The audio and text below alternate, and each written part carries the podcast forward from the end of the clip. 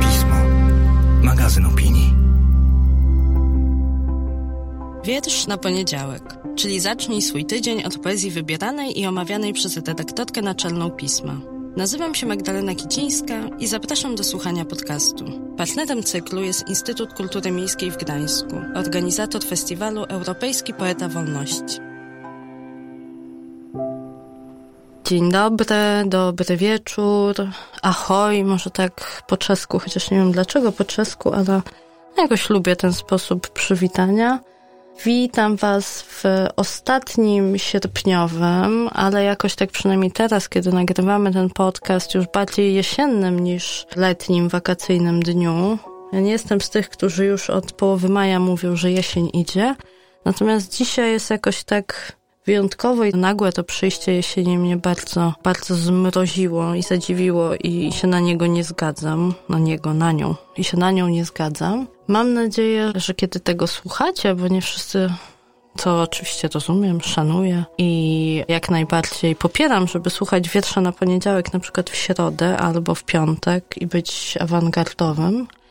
Natomiast mam nadzieję, że gdziekolwiek jesteście i kiedykolwiek słuchacie tego mojego tutaj bla bla blania, to jest wam ciepło, jesteście zaopiekowani i nie czujecie się tacy jeszcze jesienno zasmuceni tym, że już właśnie lato i wakacje gdzieś tam są za nami ale żeby dalej się właśnie plecami do tej jesieni nagłej odwrócić, to bym was zabrała w podróż, w którą zostałam sama zabrana przez naszego czytelnika, sympatyka Bartosza Wójcika, który pewnego dnia postanowił wysłać mi paczkę poezji karaibskiej, dlatego że tę poezję tłumaczył i dlatego, że pomyślał, że warto pismo tymi tekstami, tymi autorkami, autorami zainteresować, za co jestem mu bardzo wdzięczna, bo nie jestem ekspertką od poezji karaibskiej i nie będę ukrywała, że wcześniej się w niej zaczytywałam. Nie, to było moje pierwsze spotkanie z poezją tworzoną właśnie w tym kawałku świata, kawałku ze zdjęć i filmów jawiącym się jako raj. I wiersze, które przeczytałam w tłumaczeniu Wójcika, zwłaszcza jeden, ten, który wybrałam do jeszcze przez chwilę dostępnego, jeżeli słuchacie tego wiersza w poniedziałek, numeru pisma, Wybrałam wiersz Grace Nichols, Światło latarni i może, żeby was trochę nie w karaibskie rytmy, ale w karaibskie strofy wprowadzić, to sobie go razem posłuchamy. Grace Nichols. Światło latarni. Czyta Magdalena Celmer. W Londynie od czasu do czasu dopada mnie głód. Kuchni mojej matki. Opuszczam galerię sztuki w poszukiwaniu plantanów, solonego dorsza, słodkich ziemniaków. Potrzebuję tego ogniwa. Potrzebuję tego ogniska. Wymachuję siatką z zakupami, jakbym światłem latarni przepędzała chłód.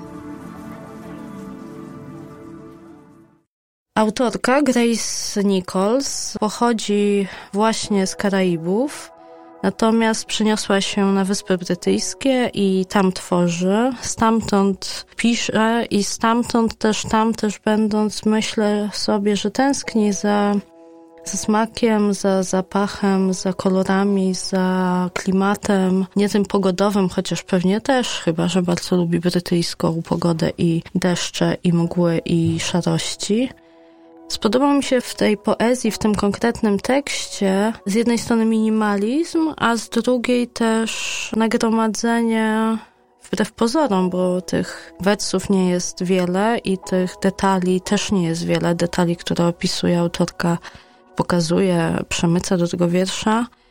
Ale w tym minimalizmie opowieść o emigracyjnej tęsknocie i o takiej duszy, która jest trochę rozdarta między miejscem, które z jakiegoś powodu wybrała sobie do życia, a miejscem, z którego pochodzi i, i całym tym bagażem, który się wiąże z tożsamością, z tą próbą funkcjonowania i też tworzenia w rozdarciu między jednym miejscem a drugim coś takiego poruszającego, to przede wszystkim ta tęsknota w tym wierszu bardzo mi się spodobała, na tyle, że sięgnęłam też po inne wiersze autorki już czytane przeze mnie w oryginale czy po angielsku. I bardzo jestem wdzięczna Bartoszowi Wójcikowi, że mnie do tej podróży skłonił i zainspirował, no bo sama pewnie nieprędko, jeśli w ogóle sięgnęłabym w swoich poszukiwaniach po poezję karaibską i do takich podróży które nie są zagrożone żadną kwarantanną i izolacją, chyba że Splendid Isolation. Bardzo Was zachęcam.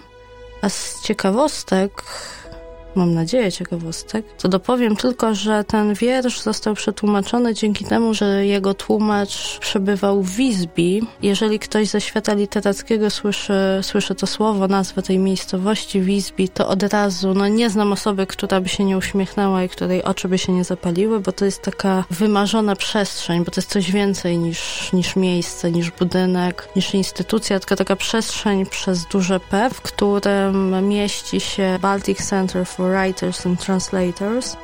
I to jest miejsce finansowane przez Szwedów, ale otwarte na i, i, i takie zapraszające wszystkich, którzy pochodzą z krajów nadbałtyckich. A z czasem ta definicja krajów nadbałtyckich bardzo, bardzo się rozszerzyła, bo akurat kiedy ja miałam przyjemność gościć w tym programie rezydencyjnym, mieliśmy również i Gruzinkę, i tureckiego poetę, bo z różnych powodów, przede wszystkim z powodów zagrożenia demokracji czy zagrożenia swobodnej twórczości dla autorów i autorek, ten program został rozszerzony na, na kraje też nie z basenu Morza Bałtyckiego. A mówię o tym miejscu dlatego, że ono jest wyjątkowe i było też takim jednym z motorów mojej osobistej wielkiej chęci, żeby stworzyć, żeby pismo też stworzyło taki, no nie taki, bo nie z takim rozmachem, ale program rezydencyjny, to znaczy, żeby powstało miejsce, w którym można bez żadnych przeszkód po prostu być i wykorzystać go twórczo, pisać, tłumaczyć, czytać, a czasem też po prostu odpoczywać od pisania, w takim codziennym życiu nie ma na to miejsca, żeby się jakoś napełnić, zainspirować też dzięki wzajemnej wymianie, bo, bo jest się tam razem z innymi autorami, autorkami żeby się twórczo rozwijać po prostu. I my się staramy w ramach naszych skromnych możliwości razem z Agnieszką Suchorą, aktorką i też projektantką wnętrz, która w Sopocie otworzyła pokoje gościnne i z naszą zaprzyjaźnioną księgarnią i wydawnictwem Smak Słowa w Sopocie właśnie takie miejsce stworzyć. Dzisiaj, 31 sierpnia, kończymy nabór na kolejną, trzecią już edycję Sopockiej Rezydencji Literackiej. Więc taki most między Wisby a Sopotem przez Bałtyk przerzucamy. Bardzo bym chciała, żeby ten program się rozwinął kiedyś tak jak ten szwedzki. Może się tak stanie i może na przykład przerzucimy most aż na Karaiby.